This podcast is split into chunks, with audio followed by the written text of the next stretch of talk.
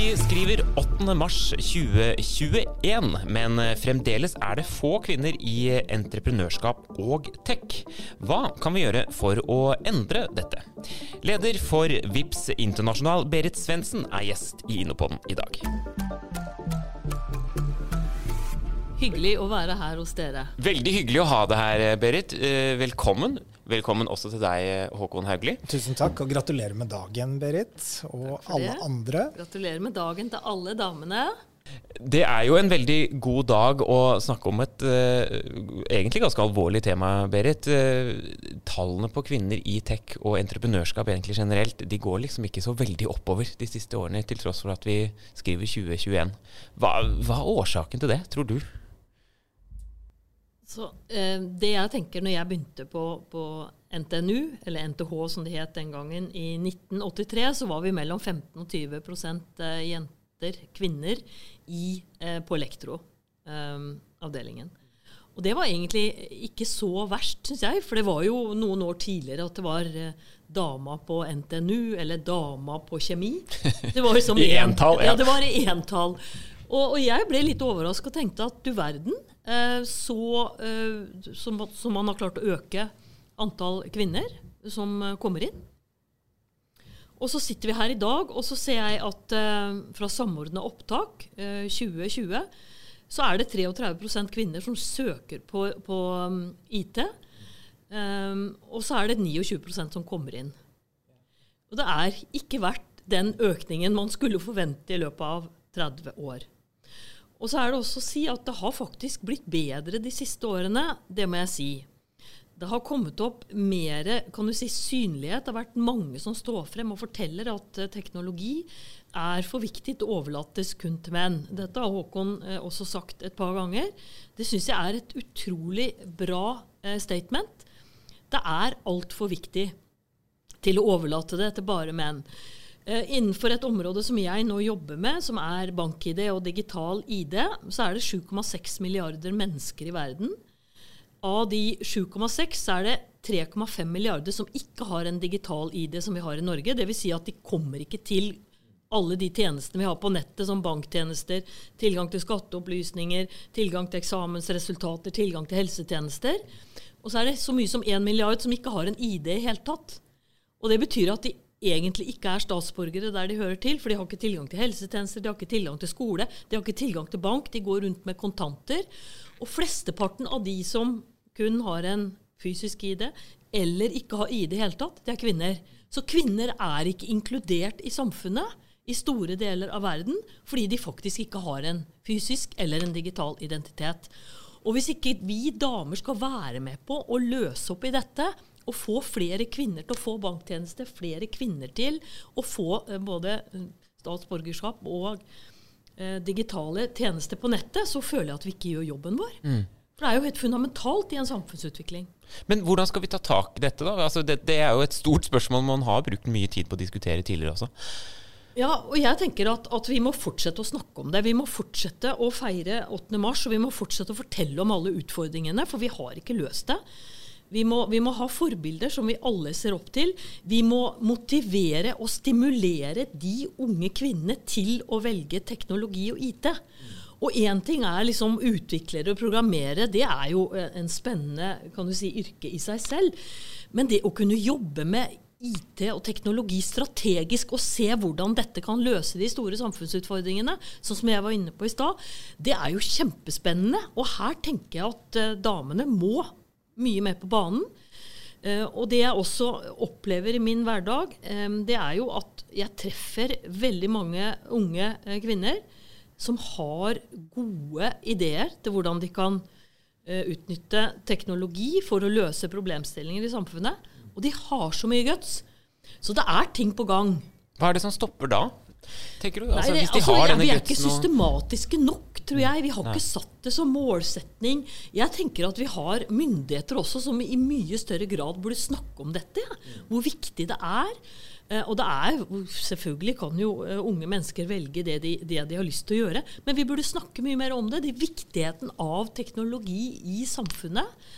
Um, og teknologiutvikling, at det løser mange av de store utfordringene vi har i dag. Hva er det som fikk deg inn i det? da? Ja, det har jeg tenkt på mange ganger. Eh, ja, så yes, først, først så skulle jeg bli flyvertinne. Eh, og det syntes ikke min far var noe særlig god idé. Nei, han, syntes jeg skulle prøve å heller forfølge det jeg kunne på, på matte og fysikk, istedenfor eh, å gå den veien. Selv om det sikkert hadde vært eh, kjempespennende, det. Og så sa jeg til min mor at jeg skulle bli lege, og hun mente nei, det er heller ikke noe for deg. Er du, liksom, du er, tror ikke du er klar for et sånt yrke. Du er ikke så glad i å stå og operere eller se blod. Nei, det er jeg ikke, sa jeg. Men da tenker jeg du kan bli ingeniør. Ja, så tenkte jeg litt på det. Det høres jo litt smart ut at jeg skal bli ingeniør, for jeg var veldig opptatt av teknologi, ny teknologi. Jeg syns det var veldig spennende å se de store trendene, da. Selv om jeg aldri har gått inn og skrudd fra hverandre en, en PC. Det har jeg aldri gjort. For det er ikke der feltet ligger, liksom. Hvordan var liksom miljøet og den gangen på NTH for dette? Da snakket dere om at uh, dere var så og så mange kvinner. Var det fokus på det? Og hvordan var det kontra hvordan det er nå, tror du?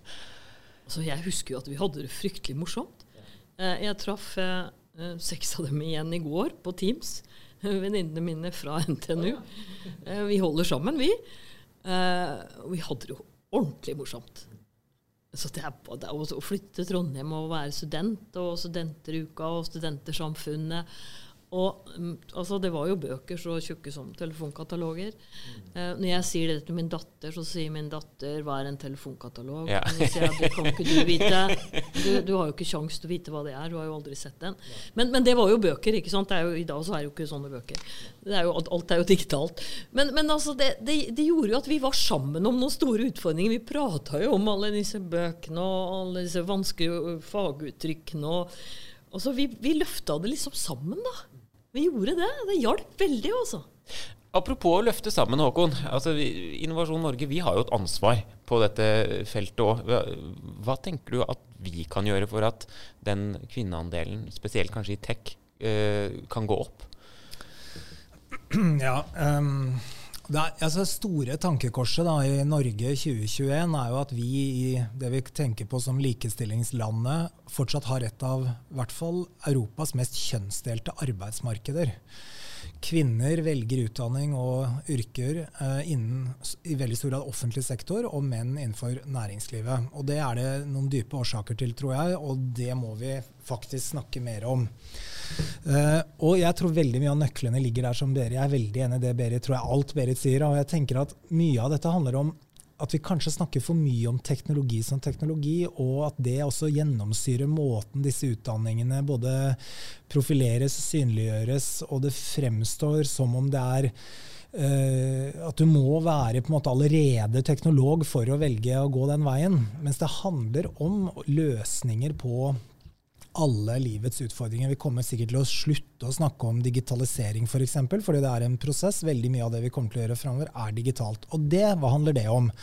Jo, det handler om løsninger for bedre helse. Det handler om å løse klimautfordringene. Det handler om inkludering eh, osv. Og, og dette tror jeg, her tror jeg vi er på et uh, slags brekkpunkt nå. Da. Jeg velger å tenke litt optimistisk. Da. Jeg tror det er i ferd med å skje noe. Og det vi ser i Innovasjon Norge, er jo mange kvinnelige gründere som etablerer seg, ofte med teknologibakgrunn, men ikke alltid, nettopp med selskaper som bidrar til å løse noen store samfunnsutfordringer. Så jeg tenker liksom operativt har vi noen utfordringer og, og et ansvar for å tilby Eh, nettverk, kompetanse og finansiering til gründere, selvfølgelig av begge kjønn, men også ha et blikk på mangfoldet der.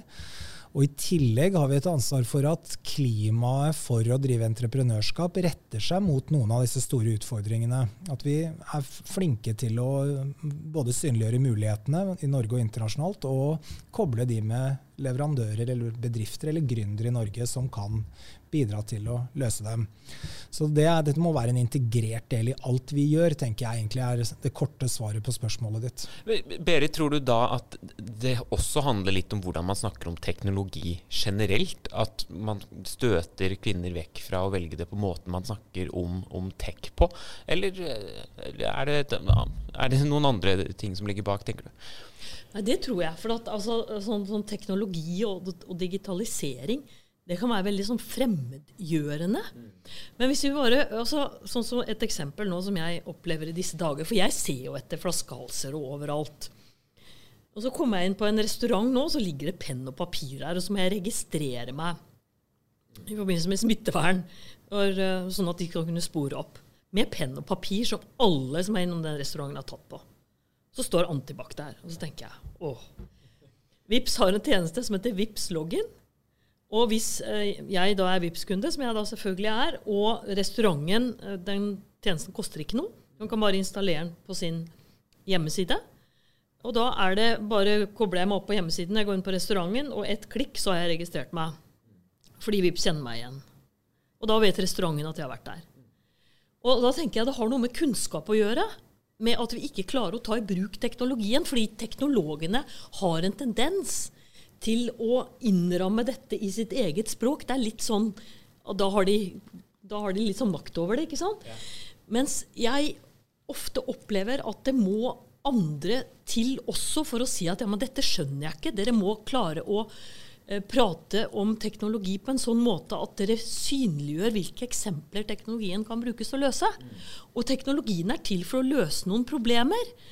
Eh, og det er veldig, veldig viktig å være klar over, sånn at vi, vi får opp kunnskapen om at det er mulig å løse dette, men da må flere skjønne det, at det er mulig å løse det ved hjelp av teknologi. Og da må vi ikke ramme dette inn i alt de vanskelige ordene. Er det, er, blir det da litt den der skumle debatten om kvinne og, og, kvinnelige og mannlige egenskaper, eller altså, må vi tørre å snakke mer om det, tenker du? Nei, men jeg tenker at Vi må synliggjøre at teknologien løser et problem, og at vi må snakke om hva er det fremdeles som er uløst i samfunnet vårt, som vi kan gjøre mye mye bedre ved hjelp av teknologi. Og snakke om det på den måten. Og da tror jeg at flere kvinner vil velge å gå den veien, fordi de skjønner at de da kan være med på å løse noen av de store utfordringene, problemene vi står overfor. Mm. Ja, for vi, vi, delte jo ut, Håkon, i, i mange år eh, prisen for årets kvinnelige gründer. Eh, og, og, da vi snakket med noen av dem, så var det enkelte som syntes at det nesten var litt sånn ubekvemt. Eh, selv om de forsto veldig godt viktigheten av forbilder. Så var det noen som sa at kan vi ikke slutte å snakke om eh, kvinnelige forbilder, og at vi skal opphøyes liksom, til det. Jeg gjør nå bare det jeg gjør. Altså, hva, hva, tenker du om det? Eh, nå, nå, deler vi ikke ut akkurat denne prisen lenger, men, men, forbilder, har det noe for seg, eller er det en litt sånn utdatert eh, greie i forbindelse med um, dette? Altså jeg tenker Forskjellene mellom uh, personer i gruppen menn og per personer i gruppen kvinner sikkert er større enn forskjellene mellom gruppen kvinner og grupp gruppen menn. Så jeg tror vi må, altså Mangfold er mye bredere enn kjønn. Kjønn er en viktig bit av det. Og så er Det sånn, det finnes ikke liksom to divisjoner å spille i når det gjelder uh, entreprenørskap. Det er én divisjon, og den inkluderer åpenbart alle typer mennesker. Og det, Jeg kan forstå reaksjonen da på en sånn pris, fordi den kan oppleves som at ok, man er ikke like god som elitedivisjonen, så man må være i en annen divisjon som gjelder for kvinnelige gründere. Så Målet her er jo at kvinner og menn lykkes like godt med sitt entreprenørskap. Samtidig så tror jeg på forbilder. Jeg tror det har en stor effekt å se at andre lykkes.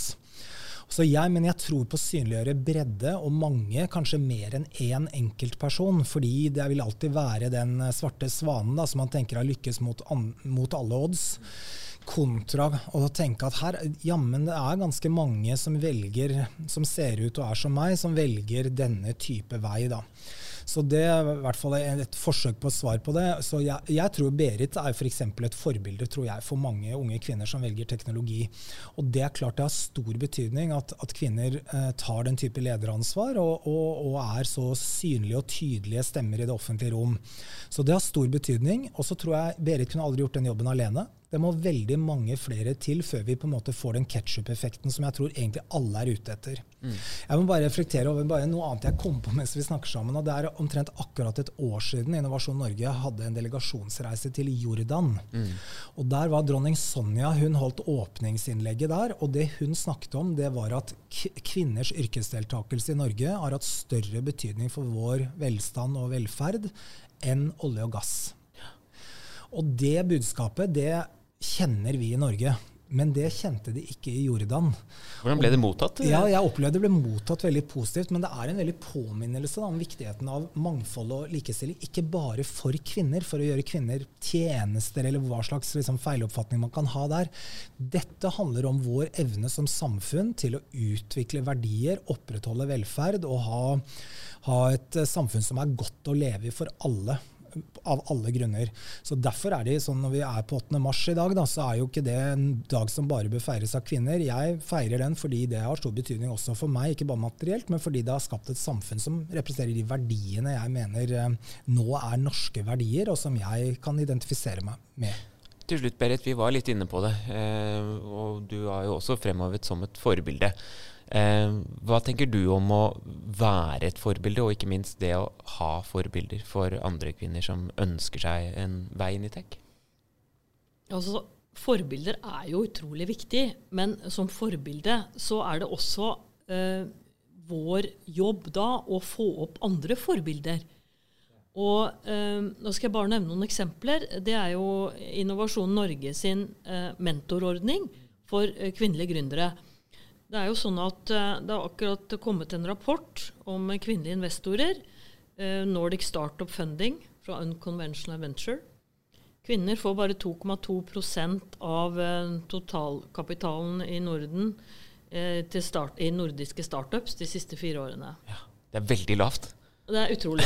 Og hvis vi tror på en måte at, at talentet er jevnt fordelt i befolkningen, i hvert fall har jeg den oppfatning, talent, kunnskap og kompetanse er jevnt fordelt hvis man har fått muligheten, så sier det seg at her er det noe aldeles galt. Verden går glipp, rett og slett. Norden og verden går glipp av mange gode ideer. Og det er jo vår jobb på en måte å gjøre noe med. Og denne eh, mentorordningen som dere har, den er jo helt fantastisk. Jeg var mentor uh, i uh, et år for et veldig spennende startup i Bergen.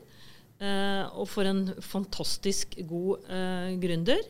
Og der prøvde jeg å bidra til uh, å skaffe henne et nettverk for å klare å hente inn kapital til selskapet. Noe hun også klarte. Og det var jo helt fantastisk. Og da følte jo jeg at jeg hadde gjort en, en god del av, av, den jobben jeg burde som mentor. Og nå ser jeg hun vinner masse priser, hun, som, som eh, kvinnelig gründer, også som gründer. Jeg tror det er helt nødvendig å ha disse prisene så lenge det er bare 2,2 eh, av fundingen som går til damer. Altså dette, da må vi få dem frem. Og eh, nå har jeg, Her om dagen så snakka jeg med en ny eh, sånn mulig eh, kandidat som jeg skal være mentor for. Og hun hadde opplevd noe helt annet. Hun var utsatt for mannlige hersketeknikker. Mm. Og da tenker jeg at du verden hvordan vi kan bidra, vi som har stått i det en stund og vært gjennom alt dette her. Vi må jo bidra og synliggjøre disse flotte, unge damene som sitter på ideer, som på en måte kan gjøre noe stort her i verden. Er første omgang i Norge, men også ut.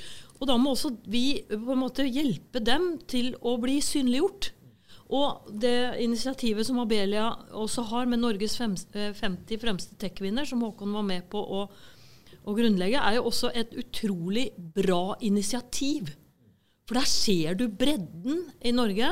Og så har du Du bør ha disse prisene så lenge det er så skjevt fordelt. Ja.